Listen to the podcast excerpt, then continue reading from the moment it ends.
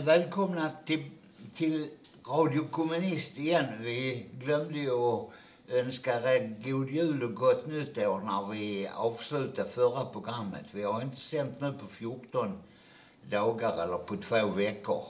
Eh, därför att eh, vi glömde bort att eh, det var fredagen, det var julafton och sen nästa fredag var nyårsafton.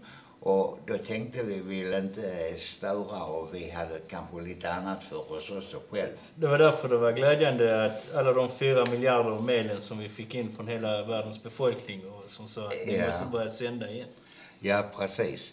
Och, och det gör, börjar vi nu i, idag och då får vi ju börja med att önska en eh, god fortsättning på det nya året. Och vi hoppas att vi ska kunna återkomma eh, 50 gånger till den här eh, året eh, varje fredag. Men där är alltid någon som eh, faller bort. Jag såg förra året så hade vi 45 sändningar och det innebär att vi tappade bort fem fredagar där vi inte sände. Men å andra sidan så var eh, förra året ett problemfyllt år för Radio Kommunist därför att vi bytte sändningsställe. Tidigare sände vi ju alltid utifrån Burlövs, eh, Lomma närradio. Men eh, den, den studion är inte i, i drift numera och inte heller antennen så vi kan inte sända däröver. Men eh, nu sänder vi här från en egen studio och vi hoppas att det ska gå bra. Vi ska eh, under året eller så snart som möjligt lansera det i större omfattning så att fler kan eh, lyssna. Och redan nu kan ni ju bjuda in folk att gilla vår sida på Facebook, Radio Kommunist. Gör de det, gillar man sidan så får man en avisering varje gång vi börjar sända live. Och vi har ju lite planer på att det ska kunna bli mer och vi ska kunna kanske ha ett och annat eh, tv-inslag också som, eh, ja vi har ett färdigt om kriminalpolitiken som eh, vi håller på att bearbeta som kommer till att läggas upp här eh, inom en eh, snar framtid. Den kommer ju också till att finnas på, på TV-kommunist. Idag hade vi tänkt vi skulle prata om, eh, om protester mot eh, oljepriserna. Nu är de protesterna som pågår i eh, Kazakstan. Eh, Vi hade behövt protesterna här i Sverige också, både mot elpriser och oljepriser och allt möjligt. Men vi ska börja med att prata om att eh, det är 30 år sedan kontrarevolutionen i Sovjetunionen, Eh, ska man säga, segrade. För, för det var väl det eh, de eh, gjorde för 30 år sedan. Och där står en, en intressant i artikel i, på, på Rik.nu och kommer kanske i papperstidningen också av Riktpunkt, jag vet inte. Men i varje fall så finns den på Rik.nu där man tar upp det, eh, orsakerna eller en, en del av orsakerna till kontrarevolutionens eh, eh möjlighet till seger. Och den tar i synnerhet upp då att, eh, att eh, det var Sovjetunionens kommunistiska parti som eh, var släpphänta, eller de fick in, in egentligen antikommunister som inte vågade eh, behålla makten i sina händer. Där är ett intressant eh, citat från Fidel Castro. Att säga det inte kommer att finnas något Sovjetunion imorgon. Det skulle för oss betyda att solen inte kommer att stiga upp imorgon. Det sa, eh, det sa ledaren enligt den artikeln för den kubanska revolutionen, Fidel Castro, i en intervju. Och, och det är klart alltså, naturligtvis kommer solen alltid upp. Oavsett om det sker en revolution eller kontrarevolution. Eh, det är inte det, är inte det, det avgörande. Men eh, han, de menar på att eh, spegla känslorna hos många kommunister runt om i världen. Och det gjorde det naturligtvis. Vi såg 1990 hur, hur folk eh, eh Eh, ja, det drabbar ju partierna också. En, en hel del eh, partier hade ju hyllat eh, Gorbatjov som in i helsike för att han var en förnyare av socialismen. Men, men det var ju också många som förstod vad han var för en person innan. Ja, alltså det här med Gorbatjov-grejen, det är precis som att många tror att det inte fanns en stor debatt hos de kommunistiska partierna vilken riktlinje som eh, Sovjetunionen höll på att ta under den här perioden. Fidel Castro, eftersom han är med i det här citatet, han, han sa redan alltså att, vi visste redan efter ett år alltså hur, hur, ungefär hur det skulle verka det backa igen i det här läget. Och, och, man måste förstå ju att det fanns ju diskussioner alltid internt ju, mellan staterna emellan och, och den tjeckoslovakiska ledaren sa ju att, eh, till dig John, att eh, fienden finns liksom inte i, i Washington längre utan i Moskva nu för tiden. Och, och det var ju så, på så, så att det var liksom ingenting som var okänt för de kommunistiska partierna, den problematiken som fanns vid den här tiden. Kanske, skulle jag vilja påstå, var det faktiskt så att man kanske skulle haft den här diskussionen lite öppnare. Och så folk verkligen hade kunnat ta ställning till det. Men reglerna var ju lite så på den tiden att man inte kunde kritisera ett annat parti oavsett vad de gjorde för någonting. Och, och man ville ändå på något sätt, man ville ju vara solidariska med Sovjetunionen och det sovjetiska folket också samtidigt framförallt ju. Att man ville inte gå in alldeles för hårt. Man, man hade ju sett situationen med den stora schismen mellan vet du, Kina och Sovjetunionen. Man vill ju definitivt inte ha en sådan situation igen. Och jag tror faktiskt att det där spelar lite i händerna också i, i den här perioden. Att man, man faktiskt inte kunde... Det blev, lite, det blev komplicerat. Men som min gamle far sa en gång, just när det gäller Gorbatjov, att det var en jävligt märklig situation där var man eh, i, vet du nu, i varenda en tunnelbana i USA kunde köpa liksom en, en bok av eh, den högsta sovjetiske ledaren, alltså Gorbatjov och hans eh, glasnost och, och perestrojka-bok att man kunde köpa den i hela USA. Det är knappast så att de sprang omkring och sålde verk av Lenin eller Karl Marx eller något sådant. Men han kunde man köpa definitivt. Och det säger rätt mycket också var, varför man eh, ville sprida just de här idéerna. Ja, jo alltså det, det, var, det var ju tydligt. Du nämnde Tjeckoslovakien. Jag hade förmånen att få vara med på en delegationsresa som vårt parti då som hette Arbetarpartiet Kommunisterna hade till Tjeckoslovakien och jag tror det var i slutet på 1988 i och för sig va.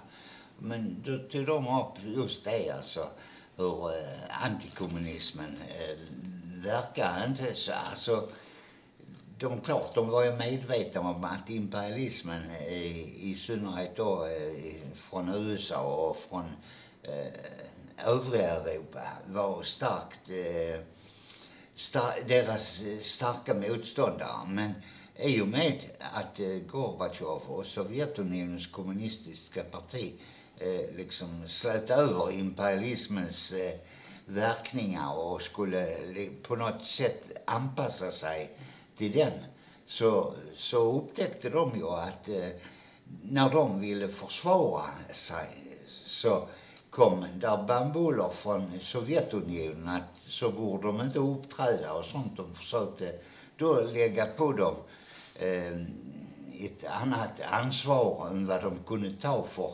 eh, sitt land på grund av den antikommunism som spreds från eh, Sovjetunionen. Och, och, och det var ju alltså, det var, eh, problemet var ju inte, inte bara Sovjetunionen, för det var i den, som du sa, i den hela världskommunistiska rörelsen delade sig i synen på eh, perestrojka och, eh, och vad heter det, glasnost. Och därför att det var ju många som, alltså, som jag tror ärliga kommunister som såg det som en framgång på något vis. Att, för vi vet ju naturligtvis att det hade hänt saker under Stalintiden och annat. Och man hade kanske inte diskuterat det så eh, riktigt och gjort upp ordentligt med personkulten. För eh, man såg ju att den levde kvar eftersom eh, delar av personkulten, aldrig i den uppfattningen som det var under Stalin, men, men samtidigt så eh, hade ju byråkratin eh, gjort sig väldigt stark där och, och initiativet från det arbetande folket togs ju naturligtvis inte tillvara och man på så vis eh, hade man ju också eh, naturligtvis inskränkt eh, demokratin för arbetarklassen. Och det var ju många sådana saker som, som eh, jag tror ärliga kommunister eh, ansåg skulle, trodde skulle vara bra med det.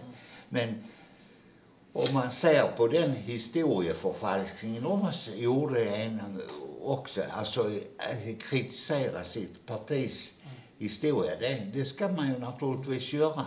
Men man ska ju inte eh, kritisera den urskillningslöst. Man ska ju se varför tänkte människorna så Eh, då? Det är ju det den historiska materialismen är. Alltså man ska ju inte bara förklara det utifrån vad man känner då, utan just man måste försöka sätta sig in i hur, hur folk tänkte då när de genomförde och, och, och, och varför de genomförde det. Alltså den anti om man ska kalla det antistalinismen eller uppgörelsen med Stalinkulten. Alltså den var ju nödvändig. Det var, alltså, jag fattar inte att någon kan komma och säga att den inte var nödvändig. Jag tycker det är fullständigt idiotiskt att påstå en sådana sak. Och det handlar ju inte bara om, om, om Stalin-grejen. Det handlar också om Lysenko-grejen också samtidigt. Yeah. Så var ju fullständigt vansinnig överhuvudtaget att man kunde ens tänka på sig. Alltså det var ju som att gå tillbaka 200 år i utvecklingen. Eh, och, och tyvärr så var ju Lysenko inte bara genetiker utan han skulle vara något supergeni och så han påverkade alla andra områden också. Där var lamarckismen och, och mekanisk materialism, man ersatte den istället för dialektisk materialism. Så det var givetvis korrekt att göra en uppgörelse med alla dessa saker. Sen handlade det också om rehabilitering av folk som satt i finkan som inte hade gjort någonting och, och mm. som vissa partibyråkrater hade stängt in för någon jävla anledning. Och de var ju också tvungna att komma ut. Så det var liksom inget fel på det. Felet var att det inte fanns en brist på självkritik i ledarskapet i övrigt liksom. Där var man går in och säger att allting som var skit var Stalins fel. Mm. Men om man säger det, då säger man att allting som var bra är också Stalins fel. Och, och, men det gjorde man inte, utan man ville få det på något sätt att det var partiets som gjorde allting som var bra och Stalin gjorde allting som var skit. Och, och det där går liksom inte ihop. Det, det, var, det var en idealistisk syn på något sätt. Och eftersom man aldrig gjorde upp riktigt med det där och, och försökte skapa mekanismer i det sovjetiska samhället att det inte skulle ske igen så blev det som en individuell historia och, och när det började gå dåligt för, gå, äh, vad heter det, eh, Khrushchev så gjorde han, eh, inte precis exakt samma, men han stängde ner samhället och gjorde massa strunt egentligen i, i, i det här läget. Så precis som du säger, när, när den perestrojka och, och till och med lite tidigare eh, man börjar faktiskt vilja göra reformer och, och titta lite närmare på de här sakerna. Så var det självklart att det var många kommunister som ändå kände liksom att ja, det är skitbra ändå att vi kan liksom... Och, och jag tror inte att de, de var ju inte antikommunister. Det var det som var ju grejen. Och vi kan ju se det på den eh, folkomröstning som man höll 1991. Där nästan 80 procent av den ryska befolkningen sa att vi vill behålla vårt Sovjetsystem. Alltså det var, inte, det var ju en urklass-seger eh, egentligen. Det, det, var, det var som att förlora med 10-0 eller ja, vi kan vara generösa, 11-1 kanske. Ja. Någonting i den stilen. Eh, så, så, så att så att det var, det var ju väldigt tydligt vad man egentligen ville ju i det här. Så de människorna var ju inte antikommunister. Men tyvärr var det ju så att bara för att när man har inre motsättningar och de spränger sig sönder där en ny kvalitet uppstår så behöver man inte vara en kvantitativ majoritet alltid utan du måste vara tillräckligt stark att det ska kunna ha en förmåga att kunna göra. Och det var det de kunde göra i, i det här läget. Så de krafterna som fanns inom partiet framförallt inom ungdomsförbundet och, och till viss del hos eh, KGB och, och de här. De, de helt enkelt tog chansen. De hade redan påbörjat kontrarevolutionen flera år tidigare. De hade flyttat ut pengar till olika konton på andra, i andra länder och så vidare. Så, så att eh, det var en jävligt trist historia egentligen i grund och botten. Och här är en väldigt stor lärdom egentligen för alla socialistiska stater. Det handlar inte bara om skolningen i sig, men det handlar om att göra arbetarklassen aktiv hela tiden i den politiska debatten. Så att den inte låter sig luras. För man hade den synen i Sovjetunionen att militären var den mest eh, utvecklade, den mest medvetna delen av det sovjetiska samhället.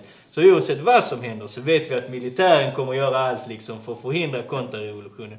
Och nu blev det absolut inte så på det viset. Man gjorde vissa försök där, men, men, men det, de flesta var pass, alltså man hade passiviserat befolkningen till den graden och, eh, och hela samhället i grund och botten. Så att man kunde liksom göra vad man ville. Det påminner lite faktiskt om eh, oktoberrevolutionen i sig själv. Där var eh, var uh, eh, tsaren inte kunde styra. Det kvittar vad tsaren gjorde egentligen. Mm. Och folket, eh, det var ju en, eh, en walkover-seger i, grund och botten ju. Det var ju inte mycket till skottlossning och, och sådana saker när bolsjevikerna faktiskt tog makten och arbetarklassen tillsammans med arbetarklassen. Utan, och så var det lite i det här läget, även om skillnaden var ju att den överväldigande majoriteten ville behålla Sovjetsystemet. Men de var väldigt passiva. Systemet hade skapat dem och gjort dem väldigt passiva, tyvärr. Ja. Man hade alltså redan tidigare urholkat arbetarkontrollen helt enkelt. Och öppnat upp för eh, karriärister och alla möjliga. Jag kommer ihåg ju han, eh, vår, eh, vad heter det, de som kommer till ambassadör, vår ambassadör, den ryska ambassadören här i, i Sverige efter eh, alltså kontrarevolutionens seger så skröt han med att hans, han och hans familj hade alltid varit antikommunister och jobbat för att eh, störta Sovjetunionen. Ehm, och det är klart, har de haft sådana till ambassadörer och och allt möjligt, eh, då, då kan man ju fråga sig vad de andra har varit som skulle kontrollera. Eller det måste arbetarna hela tiden. Det är en viktig erfarenhet. Och, och jag menar ju om du har sån som, vad heter han, Jarolevski som också mer eller mindre sa samma sak. Du har Sjevardnadze, ja. du har Jeltsin som ändå kom upp på en sån position ju.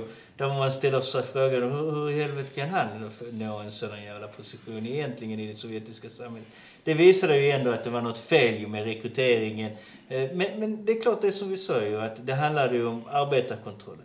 Det som Lenin sa ju, eh, vad var det, 22 när man gjorde vissa ändringar i stadgarna för partiet.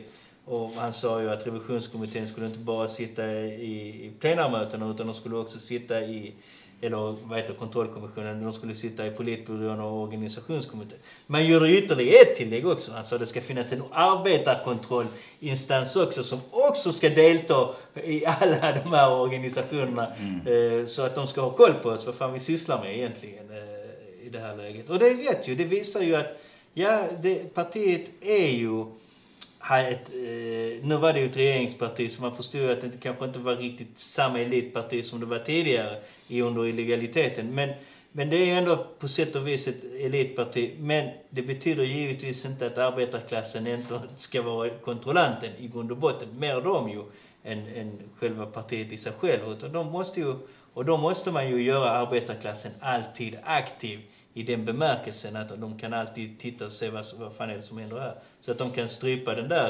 eh, de där tendenserna väldigt fort om någonting händer. Ja.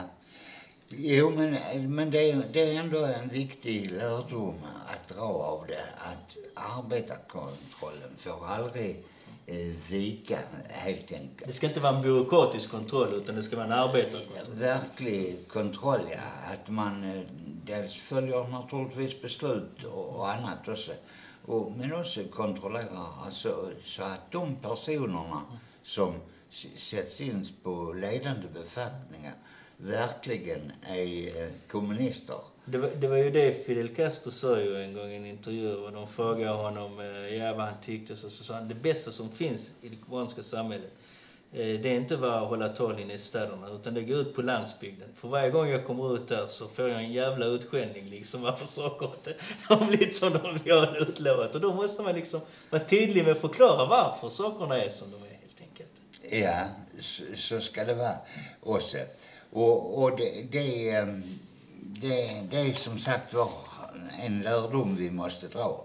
Jag upptäckte nu eh, när jag satt där och pratade att jag nämnde inte att, eh, att vårt nya telefonnummer till studion och det är telefonnummer 040 69 28 384 om du har frågor eller vill vara med och diskutera.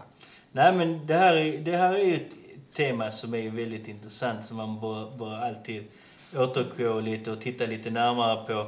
För man märker ju hur mycket antikommunismen ändå speglar sig i det här skeendet. Man, man, man ser ju att det finns ett påstående på något sätt att befolkningen ville inte ha det sovjetiska systemet. Ändå har de folkomröstning där 80 procent säger man vill behålla det. Man säger att eh, kommunisterna är så vidriga så att de baltiska staterna, de hatar kommunismen.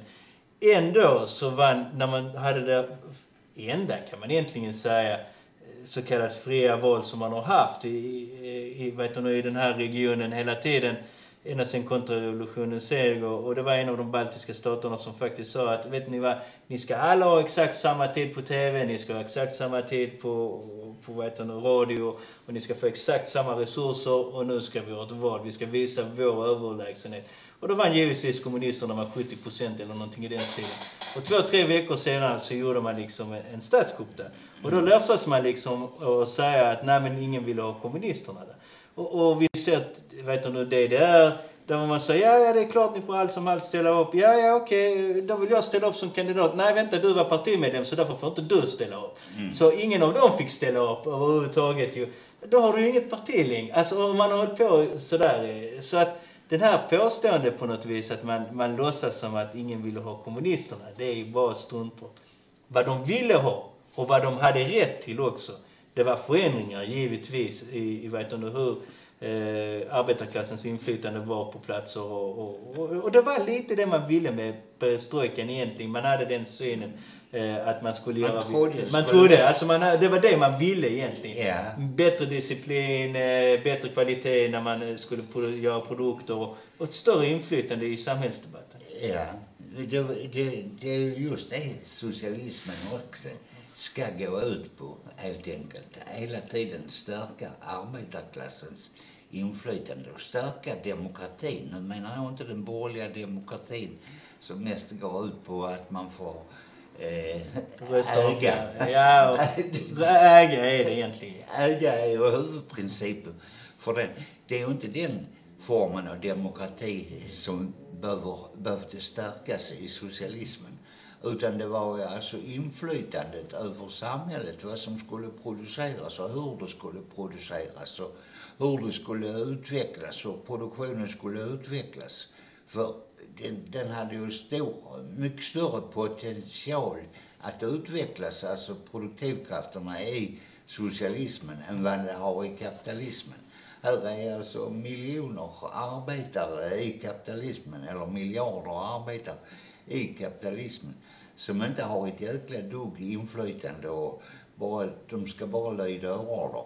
Människor som kanske, om de fick ett inflytande över sitt eget liv och över produktionsmedlen, skulle kunna utveckla dem bra mycket bättre än vad, äh, än vad kapitalisterna gör. Någonting som till och med Adam Smith allt som allt förstod egentligen i grund och botten i, i, när han säger att det är arbetarklassen som utvecklar produktionen. Han sa ju aldrig att det var ägarna i grund han förstod, han förstod de här sakerna trots allt ändå. Det var på 1700-talet. ja, det var på 1700-talet. Nej men det som ändå eh, jag förvånas över, det är ändå hur, alltså, jag är inte förvånad över antikommunismen i sig. Eh, jag, jag, förstår den emellan. Det finns vissa aspekter av den som jag tycker är fullständigt vridig, till exempel när det gäller andra världskriget och sådana saker.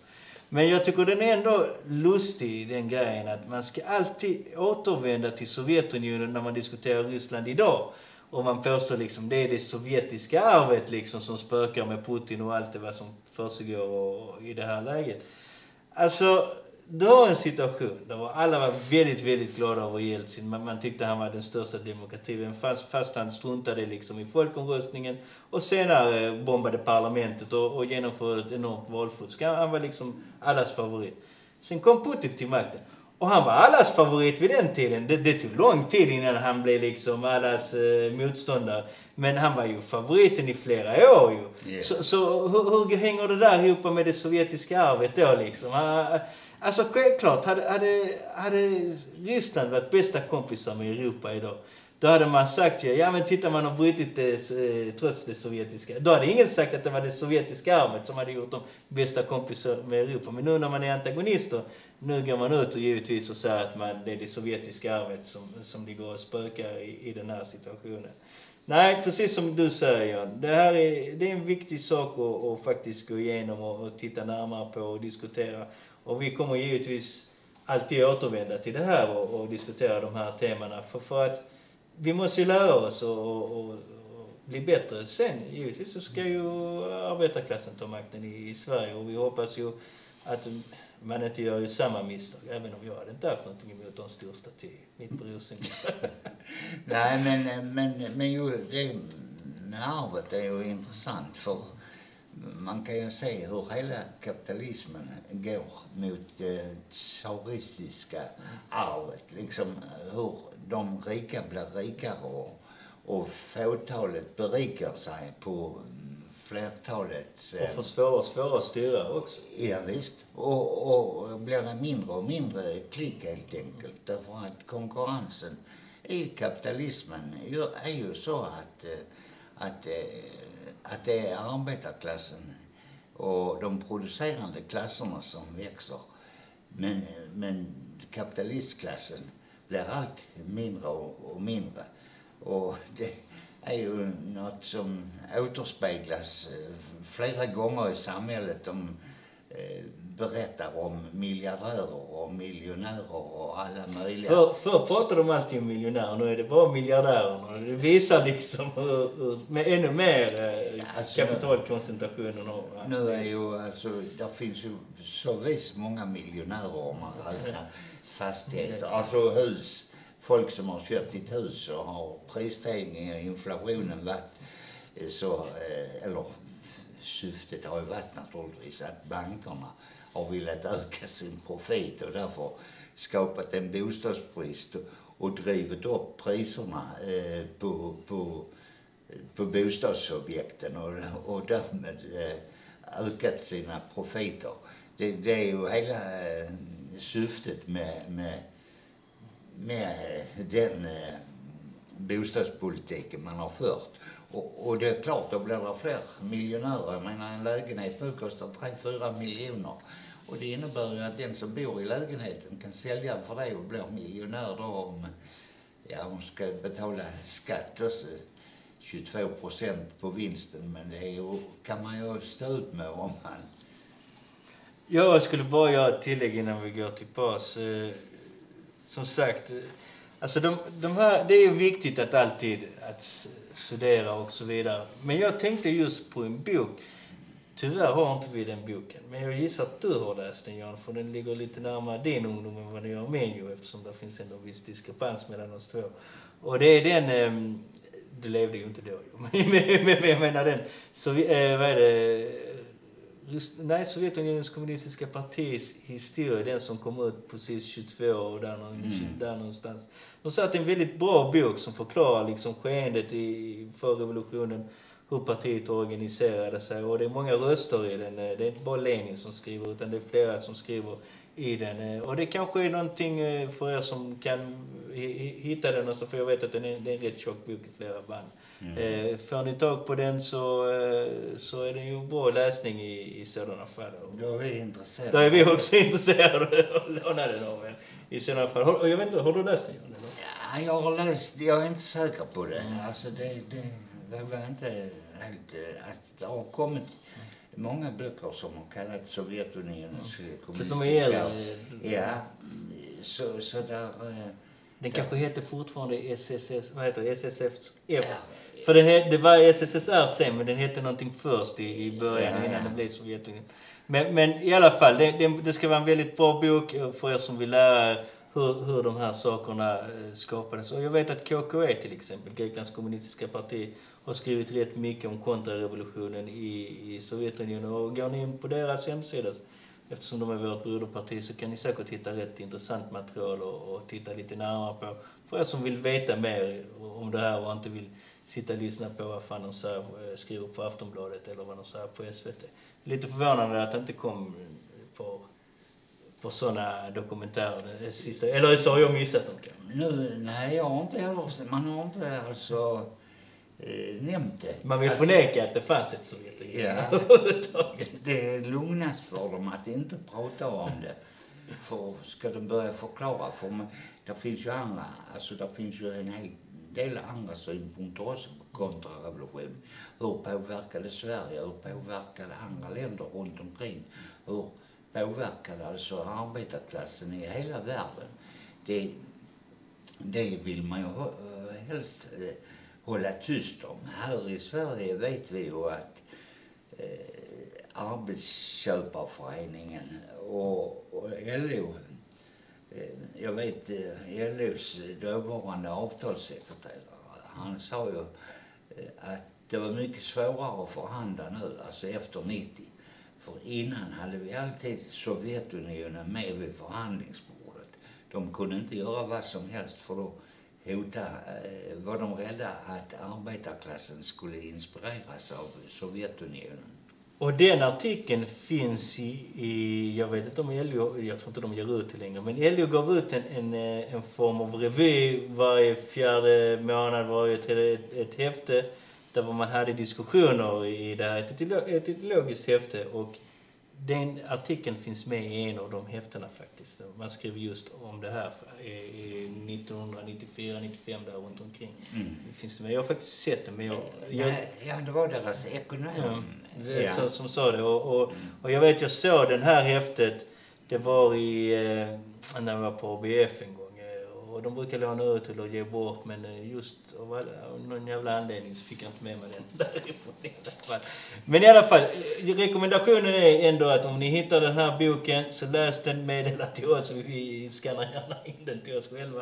Eh, men det jag vill säga är också att det som är intressant med den här boken det är att alla kommunister vid den här tiden, alltså efteråt när, man, när det började bli problem på 30-talet, 20-talet och där runt omkring. De rekommenderar alltid att man ska läsa just den här boken.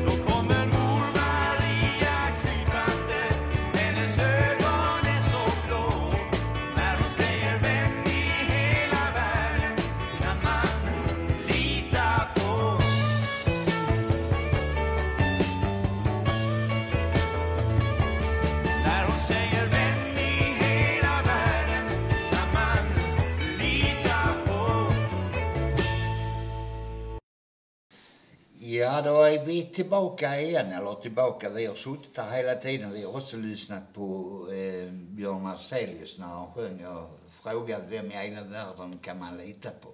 Eh, de enda jag vet man kan lita på som håller vad de lovar både när det gäller val och annat är kommunisterna. Och vill ni ha eh, reda på vad kommunisterna tycker mer så går ni in på skp, att skp.se, nej, skp.se och rikt.nu och vi har andra hemsidor också som där då finns eh, adressen till. Där kan ni läsa eh, mycket om vad kommunisterna står för. Eller så ringer ni in här till studion 040 69 28 384 om ni vill ställa frågor till oss eh, och annat. Och som sagt var, vi sänder ifrån Malmö nu så och där har vi en lokal på Ystadvägen 32. Där är ni också välkomna. Vi kan hjälpa er med kopiering och lite annat. Ja. Vi har öppet måndag till fredag 11 till 15. Där vissa dagar till 16 men 11 till 15 är det, är, är det 100% säkert att vi har öppet. Men det finns vissa människor som ändå inte behåller sig passiva. Att de förstår ändå att man måste göra någonting. Kanske det inte alltid att de är de mest revolutionära, men de har ändå ett förståelse för att man måste organisera sig för att eh, gör inte vi någonting så händer ingenting alls överhuvudtaget. Och det som vi har kunnat se, det har varit att det har varit stora bråk i Kazakstan. Och, och precis som i, i Chile, alltså det handlade inte om några jävla bensinpriser eller, eller någonting i den stilen i grund och botten. Utan det handlar ju här i Kazakstan att man har haft, ja egentligen, egentligen i grund och botten sedan upplösningen av Sovjetunionen där man har haft en ledare efter en annan som har gjort lite vad man vill i grund och botten. Och varje gång arbetarna har protesterat så har man skickat militär och polis på dem. Och, och givetvis var det här ju inget undantag. Varför, varför skulle det vara det? Eh, och, eh, men ändå så har ändå den kazakiska arbetarna visat att eh, de är tuffa liksom. Att ja, vi viker oss helt enkelt inte utan vi struntar i vad ni gör. Vi går ändå ut på gator och torg och, vill ha mer för det är vi som producerar och vi vill ha större rättigheter också. Ja, alltså Kazakstan var väl en av de republikerna i Sovjetunionen som var Eh, mer utvecklade både vad det gäller arbetarklassens framgångar. Alltså, det var stora gruvindustrier och stora delar av oljeindustrin fanns i, i de länderna. Det var inte bara så att det var ett eh, träningsläger för eh, skridskoåkare och, och sådana som ville träna på lite högre höjder och sånt. För det var de ju väldigt eh, kända för oss. Alltså, många idrottsklubbar och sånt eh, förlade sina träningsläger till Kazakstan. Och det var ett annat, det trodde jag var huvudstaden men jag är inte säker på. Almata hette det men det var tydligen kanske en idrottsanläggning. Jag vet inte helt säkert. Men i varje fall så Alltså de utlösande faktorerna var, var ju då när de höjde gaspriserna och, och elpriser och bensinpriser och allting annat. De har fått nog helt enkelt. Ja, folk hade fått nog ja. Alltså de insåg ju då att eh, de blev utplundrade. Alltså det skulle ju mycket väl eh, kunna tänka mig att eh, den utlösande faktorn här i Sverige skulle kunna vara elpriserna och även oljepriser och bensinpriser och sånt. Därför, det är klart alltså vi ska vara rädda om miljön och sånt. Men det handlar ju inte bara om miljön om man ska låta de eh, fattiga eh, frysa helt enkelt. För man har inte råd till elen. Jag såg en eh, äldre man som hade inte råd till att betala sin elräkning. Och han, han var ändå pensionär så han hade ju en del i pension. han som bodde ute i skogen någonstans. Eh, Och, och det var ju dieselpriserna så han fick ju betala någon elräkning på 11 000 spänn eller något, något Ja. sådant i, i månaden. Och, och när man, hans originalpris var 3 000 spänn och och redan där borde man tycka liksom att det var ändå redan för mycket. Eh, Och, och nu var det liksom 11 000 spänn i månaden. Och, och det är ju givetvis för jävligt ju att det, det kan vara så på det viset. Ja, visst.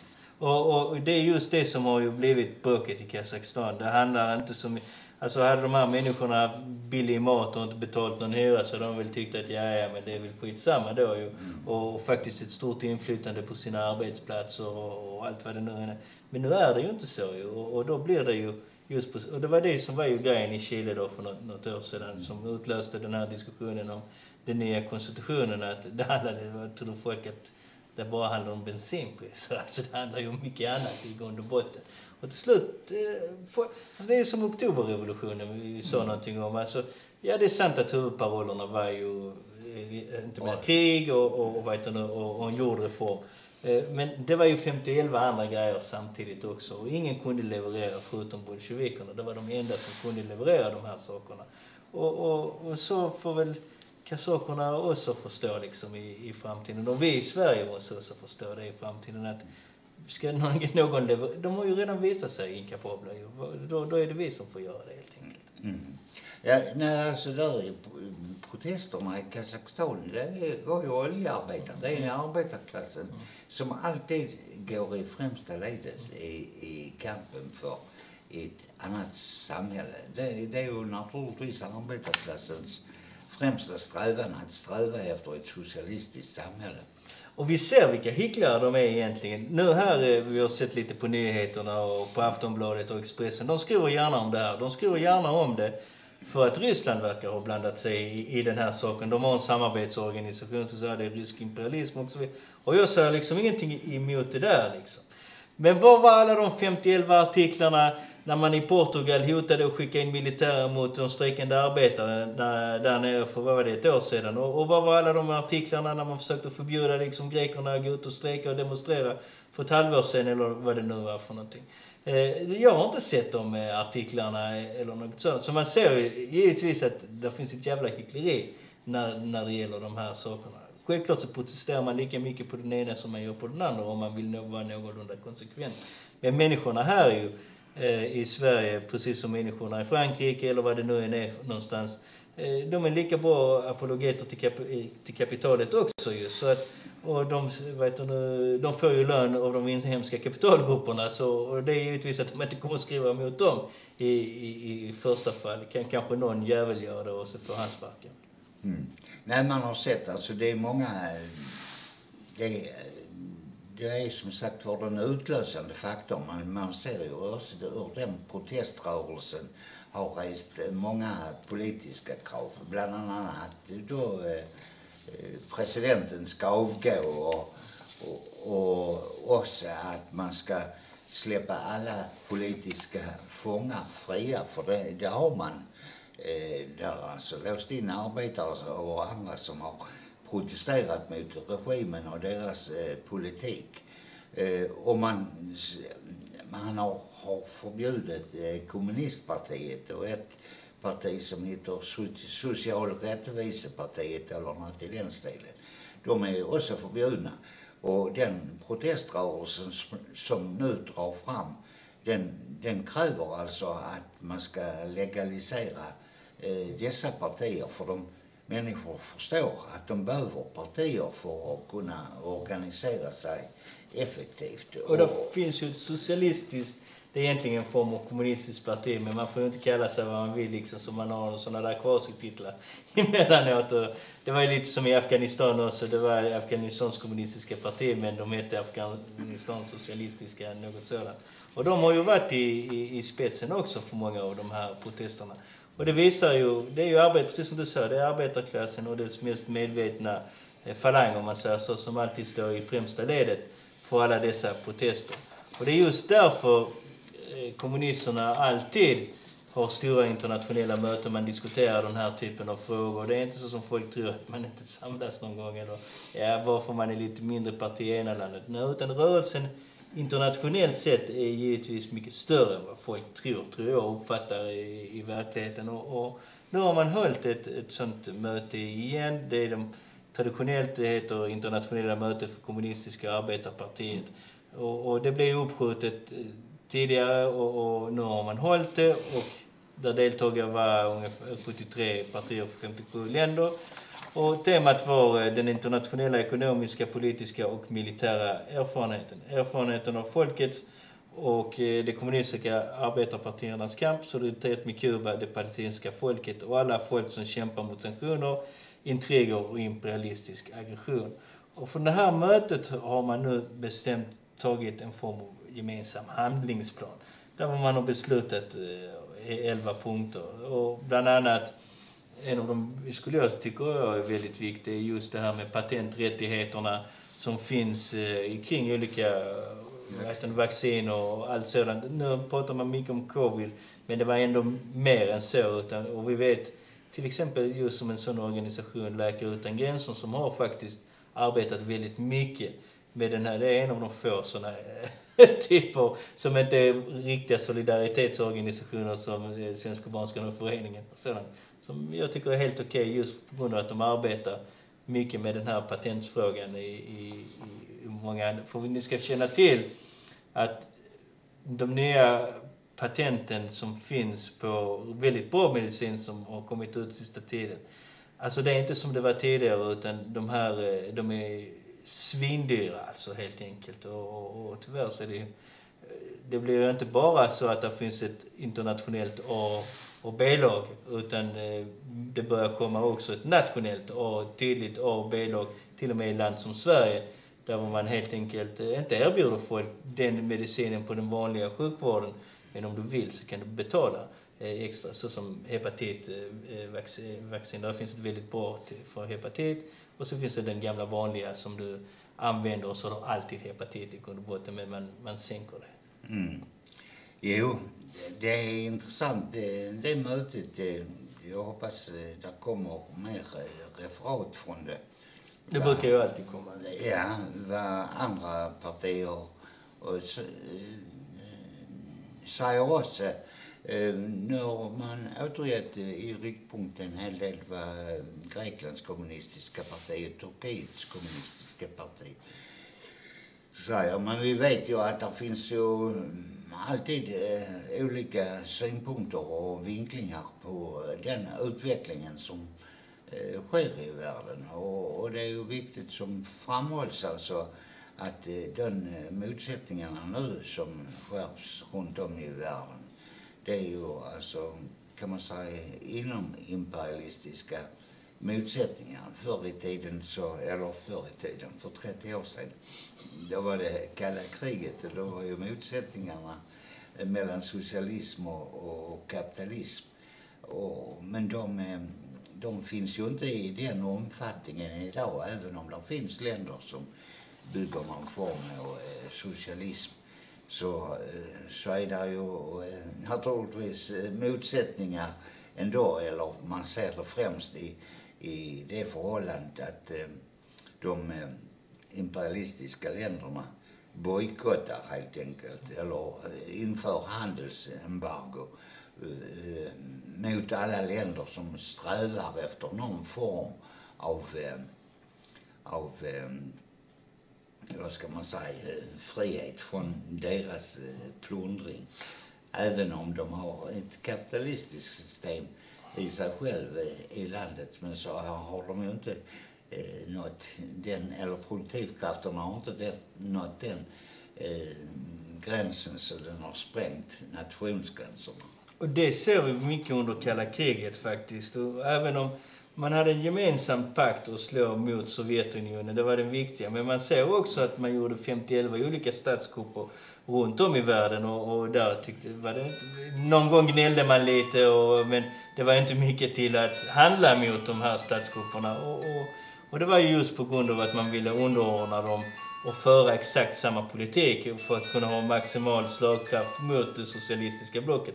För vissa av de här länderna hade ju, jag vet inte, självständig och självständig politik, men man kan säga att de var inte extrema antikommunister och ville gärna ha handel till exempel med andra länder förutom USA och Europa och, Japan. Och för de fick helt enkelt bättre pris på sina grejer ju. Och, och, och därför, men det fick man inte uppenbarligen. Och, därför gjorde man statskupp på statskupp. Och Latinamerika är väl ett bra exempel på det. Mm. Ja, det var ju många sådana underutvecklade länder ofta var det ju. Som där imperialismen förde en eh, väldigt eh, Terrorkampanj. terror kan man säga. Alltså de gav de ville gärna ha deras råvaror och sånt men de ville inte betala för dem. Samtidigt ville man ju exportera alltså färdiga produkter och ha jäkligt bra betalt för. Och, och det, då sa man att det var lite hjälp. Man, be, man beviljade dem någon sorts eh, hjälp. Eh, men- USA det är ju kända. Ja, men, men hjälpen bestod i att man bes, eh, exporterade eh, produktionsöverskott man hade i de, eh, i de rika länderna till de fattiga och då skulle de tvingas ta emot det som någon form av bistånd. Eh, vi har ju pratat om det tidigare på Radio Kommunist. Vi, Men det är alltid värt att återvända till. Ja, alltså vi, i, i Afrika, eh, jag kommer inte ihåg precis vilket eh, land det var, där skickar man ner 40, 50, eh, nej fler, ett hundratal traktorer tror jag det var för då en svensk, som då var en svensk traktortillverkare. Alltså lantbruk där man inte hade nästan eh, plats till en traktor. Man hade ingen bensin heller. Nej, det var inte det heller. Så traktorerna stod där nere och rostade upp. Men det, det är ju samma med pansarvagnarna som man skickade till Afrika också. Man Ja. tvingade dem på dem för att de skulle ta... För de skulle få ett bistånd var de tvungna att köpa de här. Så egentligen var det inte mycket över i grund och botten och många gånger gick man faktiskt back efter ett tag Eh, så, det var ju en form av utpressning i, grund och botten. Det var aldrig den generositeten som man ville få det till i grund och botten. Och vi har ju sett här nu de sista åren i Sverige att man faktiskt har varit lite man har varit öppnare med det, vad man vill göra med biståndet. Att det här är en form av handelshistoria historia och, och vad man tycker i demokratihistoria. Att vi, de ska liksom tycka som vi vill och sticker vi in i FN ska de rösta som vi vill och allt vad det nu är där för någonting. Så att, eh, nej, det här, de här mötena är väldigt intressanta i de här, när det gäller de här diskussionerna. Och, och där finns ju solid.net som brukar lägga ut eh, en hel del av de här grejerna emellanåt. Och, och, Solidnet.org. så är det! Solidnet.org, ja. Jag tar alltid fel. Men de, de lägger alltid ut de här grejerna och, och jag vet också att man brukar ge ut en revytidning efter varje möte som man kan beställa. Eh, så vill ni veta liksom mer om det här och verkligen höra eh, istället för att höra det struntet som ni hör på SVT eh, framförallt så då ska ni givetvis gå in på de här hemsidorna och kolla upp den här informationen. Det är bra information. Ni hör från flera olika länder också. Ni hör liksom inte bara vad Alltså ni måste ändå komma ihåg att när vi i Sveriges kommunistiska parti sitter här och pratar om, vi sitter och pratar om Uganda eller vad det nu än är för någonting.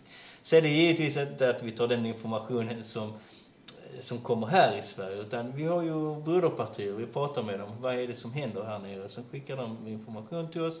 Sen tar vi upp det här liksom. Och, och ingen ska säga mig att de inte vet bättre än vad de skickar ut här i, i Sverige i allmänhet. Så är det. Och nu, eh, nu går vår programtid mot sitt slut. Vi har sagt att vi ska försöka hålla det till en timme var gång. För det är vad vi tror att eh, är lagom att lyssna. Men eh, passa på att gå in där på Facebook. Där ligger den uppe direkt och gilla vår sida så får ni aviseringar sen varje gång vi startar en eh, direktsändning på Facebook. Och, och det, eh, vi, vi ska som sagt var utveckla och komma igång med riktiga inbjudningar. Och var inte blyga nu. Skicka in frågor och, ring in och, och sådana saker. För att det gör alltid mycket enklare att ta upp de frågorna som är aktuella. Och ni som sitter där, ja, vad fan tar de inte upp den ena och den andra? Ja men det är ju för att ni inte skickar in för att vi ska veta vad ni vill, faktiskt vill lyssna på. Och på e-post är adressen radio at kommunist.se. Och det gäller inte bara radion, det gäller också vår tidning. Att ni går in och så skickar in till tidningsredaktionen. Jag vill att ni ska undersöka det här. och det här. Ja, med det så säger vi väl tack, Tack. och adjö och ha en trevlig helg.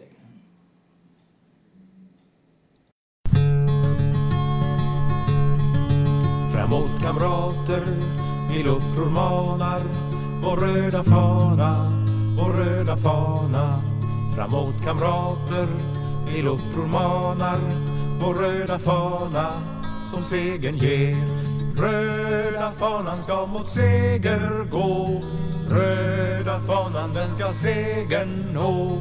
Röda fanan ska mot seger gå Leve socialismen, leve friheten För alla utsugna stora skara Ska röda fanan signalen vara. Och proletärer, stå upp och kämpa.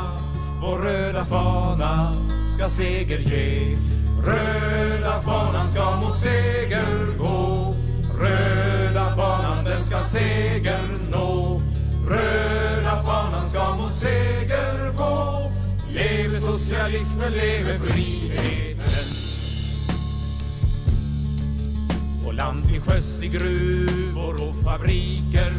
Du som har hoppet